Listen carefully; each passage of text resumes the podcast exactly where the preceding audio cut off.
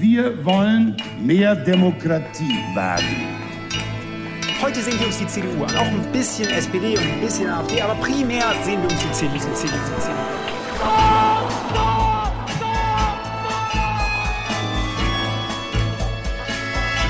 Niemand hat die Absicht, eine Mauer zu errichten. Ich weiß, ich habe heute Morgen in den Spiegel geguckt und dachte, jetzt sind die Hotte Bitch. Werden schon in wenigen Jahren blühende Landschaften, blühende Landschaften geworden sein. Früher waren wir Lametta. Wir haben so vieles geschafft, wir schaffen das. Herzlich velkommen til Tyskerne episode 91 med Ingrid Brekke. og Kai Schwind. I dag skal vi snakke om et ikonsk sted i Tyskland, nemlig Autobahn. Den tyske motorveien har lenge hatt en plass i tyske kulturhistorien, og nå har det kommet en bok som har rett og slett en kjærlighetserklæring til den tyske autobahnrasteplassen. Da snakker jeg med tysk R med en gang. Eh, Vi skal snakke om fenomenet, eh, og så blir det um, ting du kan kanskje se fra Autobahn i ordspalten. Men først skal vi forberede oss litt til det neste store delstatsvalget i supervalgåret 2021, nemlig i Sachsen-Anhalt nå på søndag. En delstat i Øst-Tyskland. Mye som står på spill. Er du spent, Ingrid? Ja, jeg må innrømme at jeg er veldig, veldig spent. Ja, jeg ser på deg. Ja. Nei, det, nå har jeg prøvd å følge med og se på debatter og lese meg opp og henge meg på, og det er fryktelig spennende. Og det største spørsmålet, det er skal virkelig AFD bli største parti i en tysk eh, delstat eh, nå? Det kommer vi litt tilbake til. Men jeg kan jo si litt grann om hva er delstaten Sachsen-Anhalt, eller Ja. hvordan det er der. Eh, hovedstaden er Magdeburg. Eh, den er ganske liten. Det bor eh, 2,2 millioner mennesker der, og omtrent 1,7 millioner har da stemmerett på søndag. Eh, og jeg har jo vært der eh, flere ganger. Eh, det var faktisk fra Sachsen-Anhalt, nærmere bestemt fra Halle, som er Halle an der Saale, som er den andre store byen ved siden av Magdeburg i Sachsen-Anhalt. Eh, Det var der jeg lagde, tror jeg, kanskje min aller første reportasje i Aftenposten fra Tyskland. Den må jeg bare gi, klappe meg selv på ryggen for, for jeg syns det var godt, god, god teft hadde jeg da. Jeg lagde nemlig en sånn fraflyttingsreportasje fra et sted som heter eh, Silberhøe. Og eh, det er da en bydel eh, altså Det var jo vanlig i det der at man hadde svære industrikomplekser, og så bygde man masse boligblokker i nærheten av dem for at arbeiderne skulle bo der. Eh, så etter de vende, da ble jo ofte industrien lagt ned, og så ble disse blokkområdene eh, stående, da. Eh, og da var man veldig opptatt av at dette ikke skulle bli noe slags sånn slumområder eller spøkelsesområder eller noe sånt, når folk da eh, flytta derfra. For det gjorde man jo. Man flytta kanskje Man ville ha en enebolig på landet, Ja. eller kanskje man ville inn til storbyen, eller hva vet jeg. Eh, og da reiv man sånn annenhver blokk i, i Silberhøet, og så ble det sånne store gressflater imellom, og man prøvde å gjøre det hyggelig. Så det var min, eh, mitt første møte med saksen. Ja, og, og da har de jo virkelig spådd denne trenden, fordi det er jo den utfordringen også nå, at det er så stor fraflytning, ikke sant? Ja, altså De har jo faktisk mista en fjerdedel av befolkninga Ja, si siden okay. 1989. Det er jo kjempedramatisk. Ja. Og det gjør også at dette er den delstaten i Tyskland hvor gjennomsnittsalderen nå er aller eh, høyest. Da kan vi kanskje gå inn i politikken igjen. Eh, og meningsmålingene, eh, de det har vært en del av dem, de er litt varierende. Det er et par stykker hvor AFD blir det største partiet, og kommer da langt over 25 Eh, og så er det flere målinger eh, der CDO blir det største partiet, altså Kristeligdemokratene.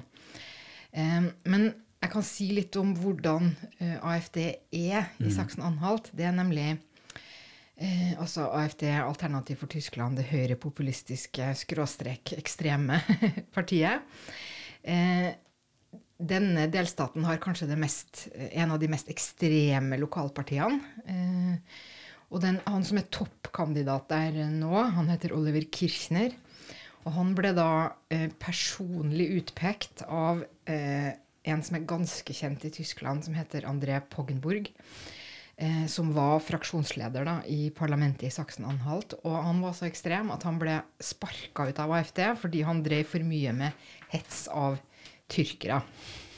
Så når, å være håndplukka av han, da kan man jo forestille seg litt eh, hvor Kirchner eh, står, da. AFD Ultras, ja. Ok, skjønner det. Men som det valgprogrammet deres, altså hva er de som Hva vil Hva skriver Ja, de i nei, hva vil valgprogrammet? de? Det er ganske Altså, nå er det jo sånn at i, det, i dette valget, eller i, i år, eh, så er jo ikke innvandring, islam Altså disse temaene står Ja. jo ikke noe særlig høyt på den politiske dagsordenen. Eh, og det er jo kjernesakene til AFD. Men det som jeg har fått inntrykk av nå, det er jo det at AFD har uh, blitt et slags mer sånn eh, hva skal man si, generelt eh, misnøyeparti. Altså de samler opp alle de som er mot eh, den, den normale politikken, eller, eller nesten det meste som blir liksom bestemt sentralt. Så de har jo f.eks. vært ganske aktive i å protestere mot eh, koronatiltak. Har liksom blitt, vært en sånn hot, eh, et hot tema. Em, men også det at de, de har snakker om politikk på litt sånn andre, om, andre områder. Og påfallende har det vært at i hvert fall to av de intervjuene jeg har sett med Kirchner, så har det vært skolepolitikk som har stått på hvert tema. da. Ja, okay. Mm -hmm. Så da tenkte jeg at jeg kunne bare si litt. Jeg har vært inne og lest valgprogrammet til AFD, som er veldig langt og detaljert, da, så jeg skal ikke si så mye om det. Men akkurat skolepolitikken er utrolig interessant og rystende, vil jeg si. Altså okay. For det første, AFD eh, vil avskaffe skoleplikten. Altså Det skal ikke være sånn at man må sende unger på skolen. Man kan bare bestemme at man heller vil undervise dem hjemme selv. Ja, okay. Mm -hmm. Eh, og så har de masse om hvordan skolen som da de frivillige vil gå på, bør være. Ehm, og det er en, en ting som, som ble diskutert i denne store De har en sånn partilederdebatt da, i Saksen-Anhalt, og det som ble diskutert der fra AFD, det var at de vil at bare 25% skal få abitur. Altså at bare en fjerdedel av elevene skal få lov til å studere sånn at de kan gå videre på universitetet og sånn. Nei, ok, Er det da den sånn akademikerforakt og antielitismen skinner gjennom, eller hva er meningen Ja, jeg tenkte kanskje at det nesten var det motsatte, nemlig en slags elitisme eller fascisme, eller altså litt sånn dyrkelsen av de beste, da.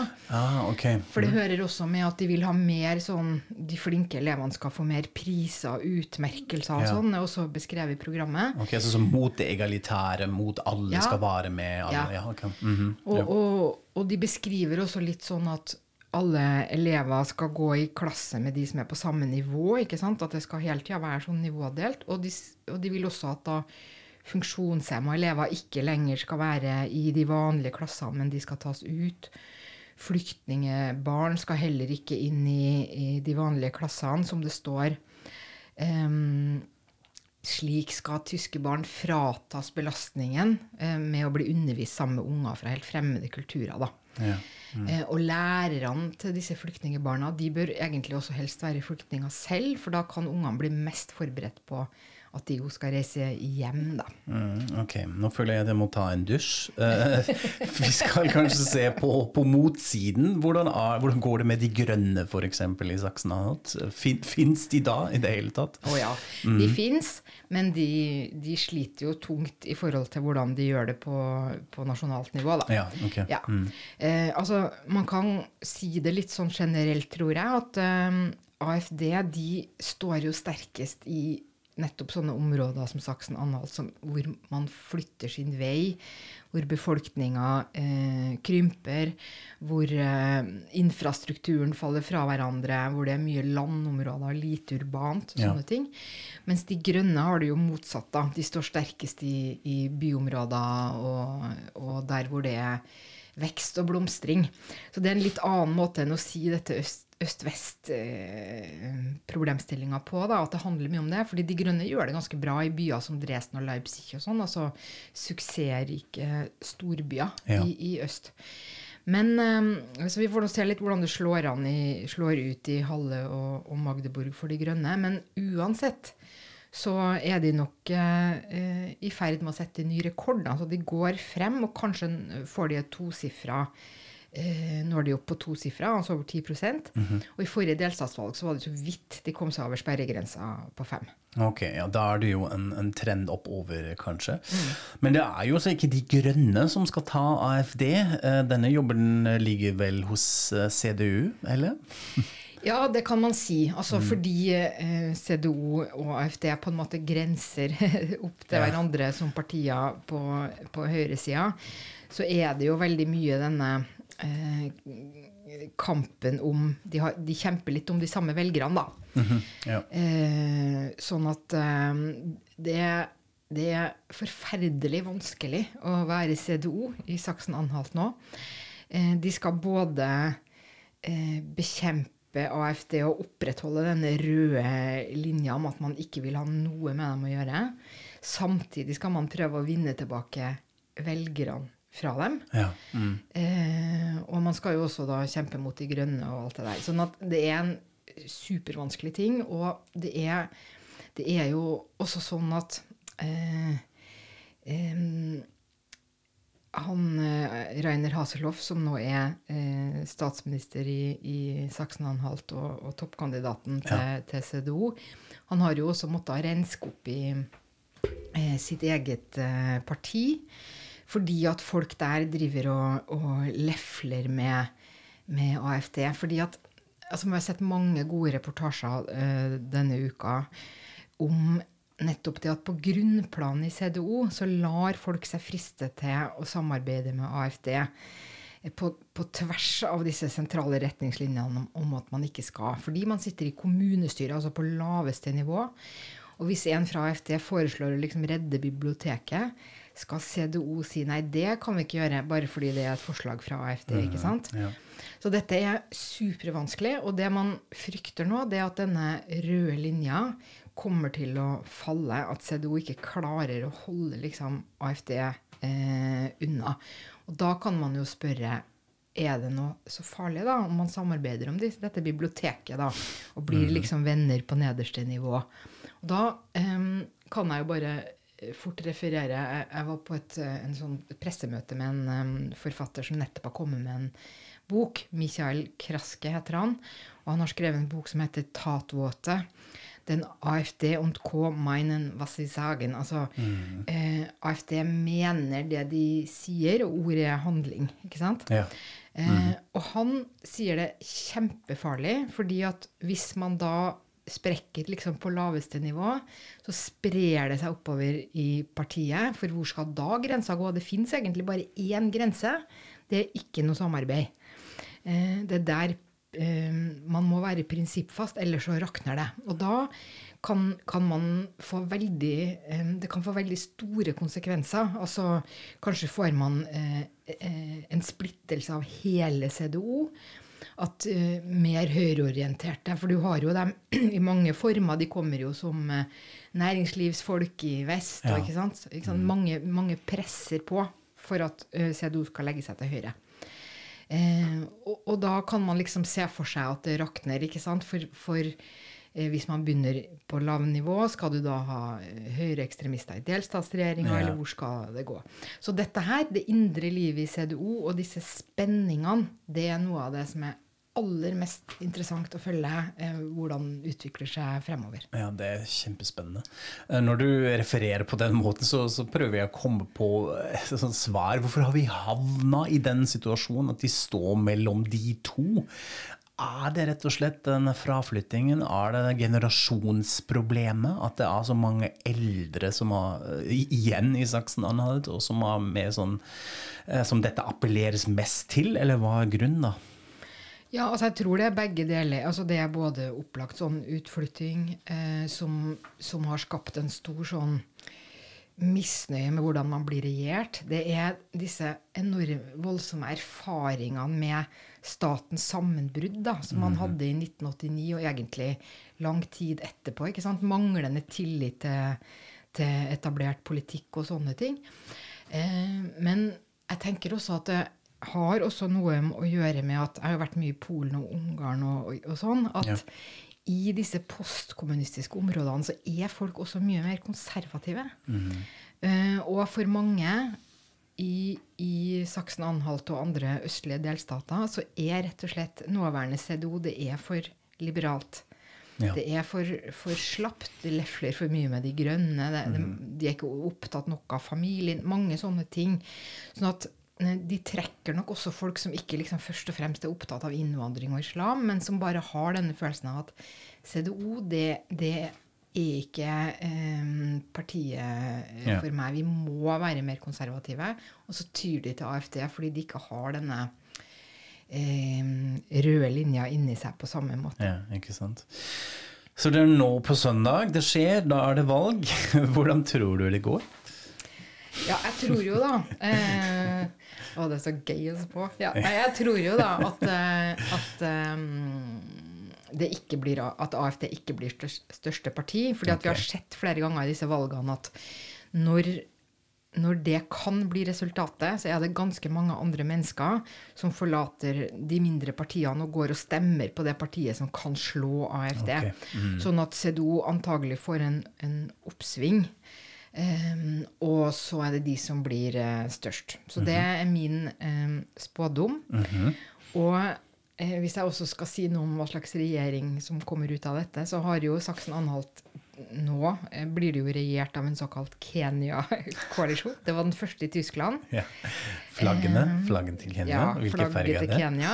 Eh, det er da når man alltid tenker svart, rød, grønn. altså CDO, SPD og De grønne. Mhm. eh, så eh, oddsen er vel ganske god for at det kan bli den samme igjen. De har klart seg sånn ganske greit. Greid Mhm. å samarbeide.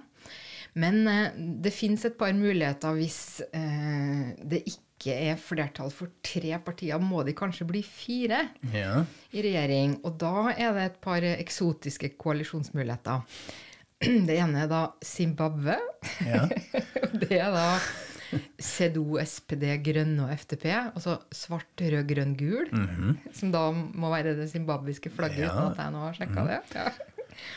Og det andre er eh, rart ord Langen ampel.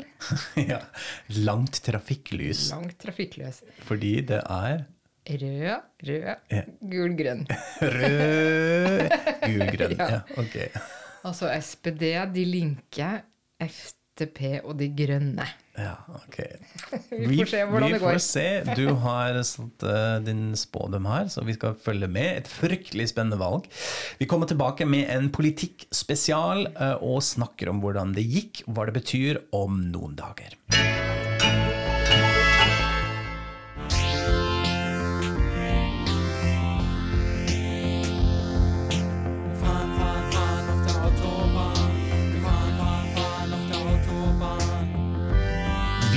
Kjøre, kjøre kjører på motorveien, Synge elektronikamusikkpionerene Kraftverk på 1970-tallet i det som var kanskje deres mest berømte låt og album med samme navn, nemlig Autobahn. Kraftverk var jo veldig flinke til å leke på ironisk vis med det stereotypiske bildet man hadde av Tyskland i inn- og utlandet, og da var det jo midt i blinken å lage en låt om Autobahn, den tyske motorveien. Et eh, nesten ikonisk sted som alle har et slags forhold til. Hvordan er det med deg, Ingrid? Forbinder du noe med tyske Autobahn? Du har vel kjørt da? Jeg har kjørt der. Ja. Og min første assosiasjon er jo da artig! ja, ja, nei, det er, det er på en måte nesten litt flaut å, å si det, men jeg syns jo det er veldig gøy å kjøre fort på stor vei, da. Ja. Det må jeg jo bare innrømme. Så jeg har kost meg mye med det når jeg har vært ute og kjørt. Men jeg kan jo fortelle eh, at jeg har hatt en ganske eh, ja, eksotisk og litt spooky opplevelse på autobahn. ja. Nemlig, jeg var en sommer og kjørte rundt i Bayern i min veldig dårlige bil med elendig aircondition. Eh, og så skjedde noe som eh, eh, Jeg vet altså i, I Norge har man jo sånn at eh, eh, jernbaneskinnene kan få solslyng. Så det er så varmt at eh, togene ikke kan kjøre for skinnene bøyer seg. Men det, det kan altså skje noe lignende på autobahn. Det blir så varmt at asfalten liksom bobler og bulker seg, og da kan man ikke kjøre. Så da ble jeg bare stående i en sånn lang kø. Eh, eh, og med, med denne airconditionen som ikke funka, med ikke noe særlig vann i bilen og nesten 40 grader. Og det var altså så Jeg skjønner jo at hadde det blitt krise, så kunne jeg nok bare gått ut av bilen og banka på vinduet hos noen andre og sånn. Men det var faktisk eh, ganske ubehagelig, og en liten lærepenge om å alltid ha mye vann i bilen, i hvert fall. Ikke sant? Ja, men altså, jeg forstår hva du mener. Det er en litt sånn blandet uh, forhold man har til det. fordi på en måte har du det jeg kan kjøre fort, liksom komme meg gjennom landet veldig raskt, men det er jo litt farlig òg. og man har dette at man er egentlig litt ensom og alene, selv om man er i en stor mengde andre biler, eller som du sa, når man har stått i en sånn tysk autobahnstau, en sånn gigantisk kø av 80 km pluss, så er det litt eh, creepy det òg. Jeg har også, også hatt en del creepy opplevelser på, på autobahn. Blant annet hadde jeg en ulykke eh, hvor jeg fant ut hva akvaplaning egentlig er. Altså når man kjører på et sånn filter med vann. Ja. Eh, Og ikke klarer å styre bilen lenger. Og så kjørte jeg av eh, motorveien og krasja inn i et sånt skilt ved siden av. Heldigvis var det ved en utkjøring, så jeg var ikke så fort. Men dette var veldig ekkelt og Ja, veldig ubehagelig. Så ja, det er det. Det er litt gøy, men også iblant eh, livsfarlig å kjøre på mm. autobanen. Og alle har eh, ja, anekdoter og opplevelser knyttet rundt dette, så dette dominerer livene våre i Tyskland, og alle som må reise gjennom ganske voldsomt. Vi kan jo se litt på historie uh, først, før vi litt sånn hopper inn i denne kjærlighetsforklaring som en uh, litt spesiell forfatter har gjort. Første eh, autobahnstrekningen, motorveien, det var altså Avus i Berlin-Grunewald. Uh, Avus den finnes jo fortsatt i dag, en litt sånn weird forkortelse for Automobilverkehrs- und Übungsstraße. Eh, og den ble innviet i 1921, eh, og var da altså 8,3 km lang, og man måtte betale for det. Men da kunne man kjøre på og kjøre ganske fort. Men det første store motorveiprosjektet i Tyskland den kom i 1921 og het Ha fra Ba Autobahnprojekt. Og en dag må vi lage en episode om hvorfor vi er så glad i disse teite forkortelser på tysk. Ja. Dette står altså for Hamburg, Frankfurt am Main og Basel i Sveits. Altså den skulle gå helt fra nord via Frankfurt i midten helt til Basel i sør. 1929 det var jo også da før Hitler eh, kom til makta, men det er jo en veldig sånn forbindelse eh, mellom Autobahn og Hitler. Altså at det var han som hadde æren for å bygge ut uh, dette nettverket. Ja, absolutt. Det er veldig fascinerende at dette er en sånn myte som henger fortsatt igjen til i dag i inn- øh, og utlandet. Altså Hitler bygde autobahn og fikk ned denne voldsomme arbeidsledigheten som man hadde på 30-tallet i Tyskland via det. Det stemmer jo nok at nazistene bygde ut motorveinettverket i Tyskland som vi kjenner til i dag, men det fantes altså en struktur fra før som de har bygget på. Og så er det nok først og fremst propagandaapparatet eh, til nazistene som skapte denne myten. De brukte bl.a. et sånn berømt bilde av eh, hans første såkalte spatenstich. Hvordan sier man det på norsk? Spade, spadestikk. Spadestikk, ja. eh, For utbyggingen av denne strekningen mellom Frankfurt og Heidelberg i 1933. eh, Som var altså med å skape denne myten at det var Hitler alene nesten som bygde autobanen.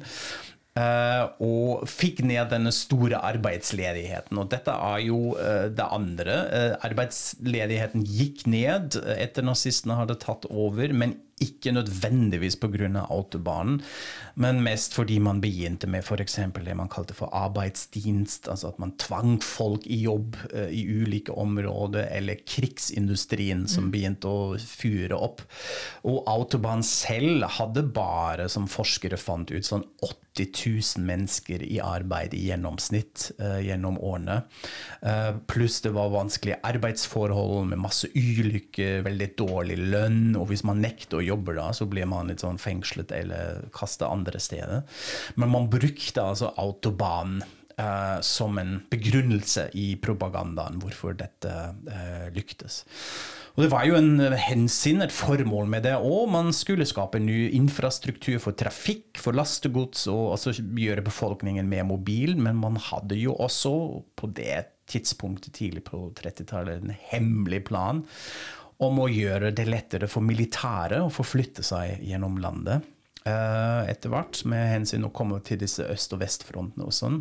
Men også det var mislykket, fordi materialet altså, som asfalten bestod av, var for dårlig og for myk eh, for disse svare stridsvognene som skulle kjøre på dette. Så dette fungerte ikke helt heller. Og så husker jeg noe som min oma fortalte meg, at liksom, mot slutten av krigen så var det også lov å sykle på motorveien, som eh, mange i befolkningen gjorde, fordi det var litt sånn trygge veier som man kunne bruke helt til selvfølgelig allierte begynte å bombe eh, autobanettverket i, i Tyskland da. Ja. Så historien om, om autobahn det er jo selvfølgelig en del av tysk historie. Ja. Så da er det krig, og så er det gjenforening. ja. Og eh, da måtte jo også eh, autobanene gjenforenes. Eh, og det som hadde skjedd eh, fra krigen og fram til 89, det var jo at autobanen i vest var blitt mye, mye bedre. Enn en de var blitt i, i øst. Altså disse DDR-motorveiene, de hadde jo sånn disse platene på tvers, sånn at du liksom bare humpa, humpa bortover. Eh, sånn at eh, når man ble gjenforent, så var jo målet at i hvert fall disse største gjennomfartsstrekningene i, i øst raskt skulle opp på sånn vestlig standard. Så det gjorde man jo. I dag er det jo en del klaging på at eh, veistandarden er høyere i øst enn i vest. da. Ikke sant? Alt blir pumpa inn i den nye infrastrukturen i oss, så det er litt smoothere å kjøre da. Det som jeg syns er litt interessant med å kjøre på en autobahn, litt sånn generelt, uansett hvor man er, er at dette preger jo litt inntrykket man får av et land. Altså rett og slett sånn estetikken, det er veldig sånn gjenkjennelig når du kjører i Frankrike eller Italia, hvor det er sånn grønne skilt og sånn. I Tyskland er det da disse blå skiltene med hvit skrift. eh, Og også der, eh, dette er jo Tyskland, fins det veldig tydelige regler på denne skrifttypen som skal brukes på de skiltene. eh, Fordi eh, vi har jo et fantastisk tiltak i Tyskland, nemlig DIN, den deutsche industrinormen. tysk Tyske industrinormen. Som er en slags, det er ikke lov, men det er en sånn slags anbefaling som alle skal følge for ulike områder som trenger litt sånn mål og maler og sånt. Og da finnes det selvfølgelig en for den fonttypen, skrifttypen som skal brukes på disse skiltene. Og dette er de serifenlose linea antiqua verkehrsschrift. Da vet dere det. Og det er din 1451. og eh, vanligvis kommer, er det middelskrift, skriftform B, som skal brukes. Og det er altså den unike, typiske fonten uh, som skal brukes. Herlig å vite. Ja, godt. Uh, Men så er det jo noe med estetikken av en motorvei i landskapet. Og dette er jo litt interessant å se på. altså Litt som Kraftwerk synger den låten. Die Fahrbahn ist ein graues Band, weiße Streifen, grüner Rand. Eh, altså en sånn betongstripe som går gjennom et landskap landskapet. Og det er en sånn barndomsminne som jeg også har. Når jeg sitter bakerst i bilen og man kjører fort på autobahn og man ser ut, og jeg telte disse stolpene eh, langs den såkalte auto, autobahnen, altså det vi kaller det for leitplanke på Tyskland. Altså den føltes litt som en sånn kniv som kutter gjennom uh, landskapet. Eh, og den kom jo faktisk ikke før 1960-tallet i Vest-Tyskland. At man begynte med denne innrammingen av motorveien fordi det var for mange som kjørte av, og det førte til ulykker osv. Ja, men eh, før vi liksom blir helt sånn eh, romantiske landskapsfolk her, så må vi kanskje snakke litt om eh, fart. Oh ja, det må vi. For freie fart für freie Bürger, det er jo et slagord som dukker opp med en gang man begynner å uh, søke litt uh, og snakke litt om autobahn. Altså fri fart for frie uh, borgere. Det å kunne få lov til å kjøre så fort man bare vil, det er en fundamental frihet, en slags borgerrett Ja. eh, i denne vesttyske eh, tradisjonen, da. Eh, så det er jo eh, nesten umulig å bli enige om at man skal ha fartsgrensa på autobahn, til tross for at man eh, vet gjennom masse forskning at eh, Eh, Det vil redusere antall ulykker, og det vil redusere eh, forurensning. Ja, men det er så følelseslatt, dette er så irrasjonalt hvordan de diskuterer, det. så det er vanskelig å komme gjennom med fakta her. Ja. Men likevel så er det jo politiske diskusjoner om dette med, med jevne mellomrom. da, Og De Grønne de går jo inn for å sette topphastighet til 130 km i timen hvis de kommer i regjering. Eh, de linke de vil derimot ha 120. Bare for å være Bare for å være Ja. litt mer, ja. litt lavere. Men de linke kommer nok neppe i regjering. Men de grønne kan jo gjøre det. Eh, og det er jo først og fremst i, i CDO at denne frie farten er aller viktigst. Også SPD kan nok gjerne gå inn for, eh, for um, fartsgrense. Og så innbiller jeg meg at dette er også litt sånn regionalt. altså Det er ikke alle delstater hvor man er veldig opptatt av dette, men noen eh, politikere fra noen delstater har det som sine virkelig sånn kjernesaker, kampsaker. Eh, Så det er ikke lett å få til enighet. Eh, Og bare for å liksom vise hvor, eh, hvor betente alle sånne bilrelaterte temaer er, så har det jo nå brutt ut en litt sånn annen eh, lignende debatt, nemlig fordi De Grønne, altså nærmere bestemt eh, Anna-Lena Baerbock, eh, kanslerkandidat, har nå satt et, annet, et eh, tema på dagsordenen. Økt bensinpris. Ja.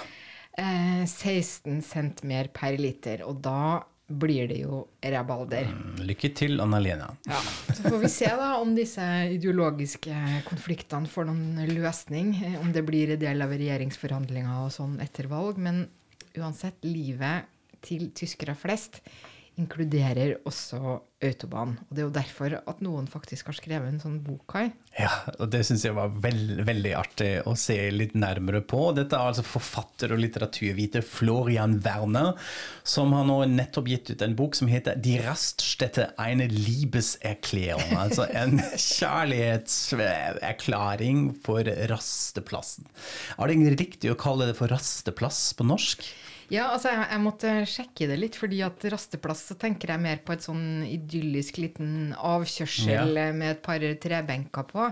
Men eh, på norsk så har vi bare tror, Vi bruker det som en samlebetegnelse, tror Ja. jeg, på de kjempestore og de bitte små. Så det må jo bli det. Autobahn rasteplass. rasteplass. ikke sant? Og da mener man altså de store i Tyskland, altså de som har restauranter og toaletter og til og med hotellet tilknyttet seg. Og da finnes det over 450 rasteplasser i hele Tyskland, og det er mer enn en halv billiarde mennesker som stopper der hvert år på alle disse eh, rasteplassene. Eh, og Florian Berner mener altså at dette, det som er så gøy med dette, at eh, rasteplassen er Tyskland eh, im Kleinen, altså Mikro-Tyskland, som fins der. Og det er derfor det var spennende å se nærmere på det.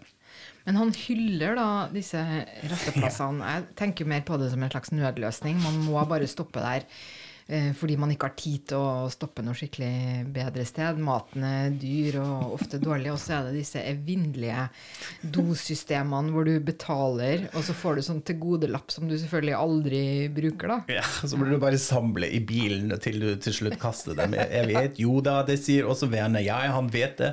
Men han har en kjærlighet til det som ligger av veien. Jeg, har bare en livet som upsightingen, sier han. Og er både litt sånn metaforisk, men også helt faktisk, med en rasteplass som ligger ved siden eh, av veien. Han har til og med skapt et eget ord, nemlig Raststetten-V. Altså lengsel etter rasteplasser, fordi det er så spennende. Og han sier dette er fordi man er litt sånn verken hjemme eller har kommet dit man skal. Man er litt sånn halvveis. Så det er litt sånn som flyplassen. Ja, litt som flyplassen, men flyplassen, da er man litt mer stakk, kanskje litt mer passiv, Ja. og sånn, da er du litt sånn innsperret mer. Men her kan du jo litt sånn oppføre deg eh, nesten som du er hjemme, egentlig. Altså, han sier da gjør folk kroppsøvelser ved siden av bilen. De spiser, de dusjer, de sover, til og med har sex. Det vet man jo at det fins litt sånn mørkekroker og steder og rasteplasser, møtesteder. Så derfor er det en, et unikt sted i det Men har han besøkt eh, alle disse 450 plassene, da, eller? Nei, det orker han ikke. Han sa det var eh, for mye, så han har valgt ut én. Oh, ja. Eh, og det er litt morsomt, fordi dette er sikkert kjent for noen av lytterne våre. Gerbsen Nord eh, i nærheten av Hannover. Eh, og det er en veldig morsom og egentlig litt fin begrunnelse, fordi han sier det er her A7, altså denne nord-sør-aksen som går helt fra nord helt til Bayern, og A2, som er øst-vest-strekningen, møtes. Så beskriver denne Gapsen Nord eh, rasteplassen som Tysklands hjerte. ikke det litt fint? Jo, det var fint. uh, og så prøvde han å finne ut er det noe unikt tysk med disse rasteplassene. Og han mener nemlig at tyskerne de har et sånn ambivalent forhold til rasteplassene sine. Ikke som i Italia, som han trekker frem som et annet eksempel, hvor autogrill, som det heter der, um, er et sted som man er veldig stolt av, mener han. Der, uh, der finnes det iblant kjempegod mat, og hele familien henger da, og det er lekeplasser og sånt. Så han mener for å være en så stor og stolt autofarernasjon, altså en nasjon av bilkjørere, er rasteplassene litt i skygge, og man skammer seg litt for dem òg. Så det er litt sånn blandet. Og han sier at dette f.eks. var annerledes i DDR, som jeg syns var litt interessant. Han har intervjua en, en tidlig ansatt, en sånn Mitropa, som dette selskapet het, eh, ansatt av DDR-rasteplassene, eh, og den personen sa at her var det mye bedre mat eh, ellers, som sammenlignet med andre restauranter. Det var bordservering. Når man jobber da som kelner, så måtte man kunne liksom flambere mat ved siden av bordet, eller filetere fisk til Oi. kundene osv. Og man tjente veldig bra. Mye bedre enn eh, i andre yrker i, i DDR. Det syns jeg var litt spennende. Men det må jo ha noe å gjøre med at eh, bilkulturen i Vest-Tyskland var folkelig, mens i det der så var det jo vanskelig å få bil, og, Ja. og sikkert ikke hvem som helst som drev og kjørte rundt da på disse autobanene. Det var litt sånn eksklusivt. Ja, det tror jeg òg. At det er nesten en sånn, et sånn luksuriøst sted å være. eh, fordi det var koblet til, til det du sa. Så det er interessant. Så er det jo eh, folk som nesten bor på rasteplasser. Og det skriver Werner en del om, og har også snakket med de, nemlig lastebilsjåfører. Uh, dette er jo mest menn, det, så det, jeg tror det er bare 2% kvinnelige lastebilsjåfører, så det er en veldig sånn mannsdominert uh, yrke. Og han sier at det fins også en slags sånn idealiserende lastebilromantikk. Altså de menn som liker og ikke har et fast sted å bo, de reiser rundt, det er frihet, de har ikke innskrenket av sånn borgerlige regler og normer og sånn, de kan gjøre hva de vil, og høre på countrymusikk. I Tyskland fins det, jeg tror de fins fortsatt, et sånn litt corny uh, countryband som heter Truck Stop. eh, som hadde store hits på 70- og 80-tallet, og de litt sånn representerer litt en sånn overdreven, idealiserende lastebilromantikk. Eh, litt sånn amerikansk preget, kanskje. Men sannheten er jo dessverre ganske annerledes i dag, eh, og da spesielt med tanke på eh, alle de østeuropeiske lastebilsjåførene som befinner seg ofte i ganske hårreisende, prekære eh, arbeidsforhold. Han har snakka med en som, eh, som sier at han for, en, for strekningen mellom Moskva og Rotterdam, og dette tar jo flere dager å kjøre dette, tjener ikke noe særlig mer enn 50 euro totalt. Og Og fy søren, det er altså, helt utrolig. Ti kroner dagen, kanskje? Ja, da? ikke sant. Og da ser man jo litt annerledes eh, på dette, på disse dyre prisene på rasteplassene. Og han sa også altså, bare det å ta en dusj da, eh, i Garpsen, i den, uh, koster tre euro. Så da kan man jo se hva det betyr for en eh, Men sånn er alle disse rasteplassene drevet av disse dyre kjedene nå, eller? Nei, da, da er de ikke. De fleste er jo det. Det er kjeder som har tatt over. Det finnes jo også McDonald's og Burger King og alt det, det der. Men det finnes noen eh, få som er liksom gamle familiebedrifter, som har altså gått i arv i en familie. De som styrer eh, dette, og kanskje da har også en litt sånn annen Kanskje litt mer sånn kjærlighetspreget forhold til det, og en litt annen type vedlikehold. En ting syns jeg var litt, eh, litt morsomt, nemlig det at det fins faktisk ganske mange plantene der. Nå er vi igjen tilbake til Garpsen Nåt, som er i et sånn familiebedrift fortsatt. Eh, han lista alle disse plantene som de fant. Han gikk rundt med en botaniker som bestemte liksom, hva slags planter det er her, på seks sider i boka si. Da er det over 260 ville plantearter som de fant, og uh, nesten 50 er spiselige. Så man kunne leve som veganer, liksom, eh, vegetari vegetarianer da, på en rasteplass. Hvis man ikke er så opptatt av hvor skitten, skitten maten er, da. Ja, man må være glad i urinbismak, kanskje. Jeg, jeg vet ikke. Men det er, jo, det er jo litt interessant. Så han, ja, Fasiten i denne boka eh, er jo, den er ganske interessant. Og han sier jo altså en raststätte ist ein Ort riesiger egalitet. Dette er sånn et egalitært sted. Det er alle som må stoppe her. Uansett hvor gammel du er, hva du jobber med, må du stoppe på en rasteplass. Eh, Og igjen, i uh, Gapsen Nord fins det en gjestebok, og da er det mange kjendiser. Angela Merkel har stoppet da, signert. Sigma Gabriel, en tidlig, tidlig utenriksminister, var det og likte å spise gulasjsuppe. Så det finner vi da. Og apropos politiker, en annen ting som var litt interessant, at det fins i min hjemmedelstat Hessen eh, det man kaller for de tankstellen connection, bensinstasjon connection, som var altså en eh, på den tiden ung gruppe av CDU-politikere tidlig på 80-tallet som møttes ved rasteplassen Vetteau i Hessen for å konspirere og planlegge maktskifte i Hessen og sånn. Og det er bl.a. Folke Bouffier, som var nå delstatsminister, statsminister i Hessen, Roland Koch, tidligere statsminister i Hessen, Frans Josef Jung, masse kjente folk. Så det funker jo, alt det de planla da, hemmelig på en rasteplass. Auf, hinter, in, neben, über, runter, fortzischen. I ordspalten har vi lovd å snakke om ting som man kanskje kan se fra autobanen, og det skal vi gjøre nå. eh, Og det vi klausulerer litt her, er rett og slett stedsnavn.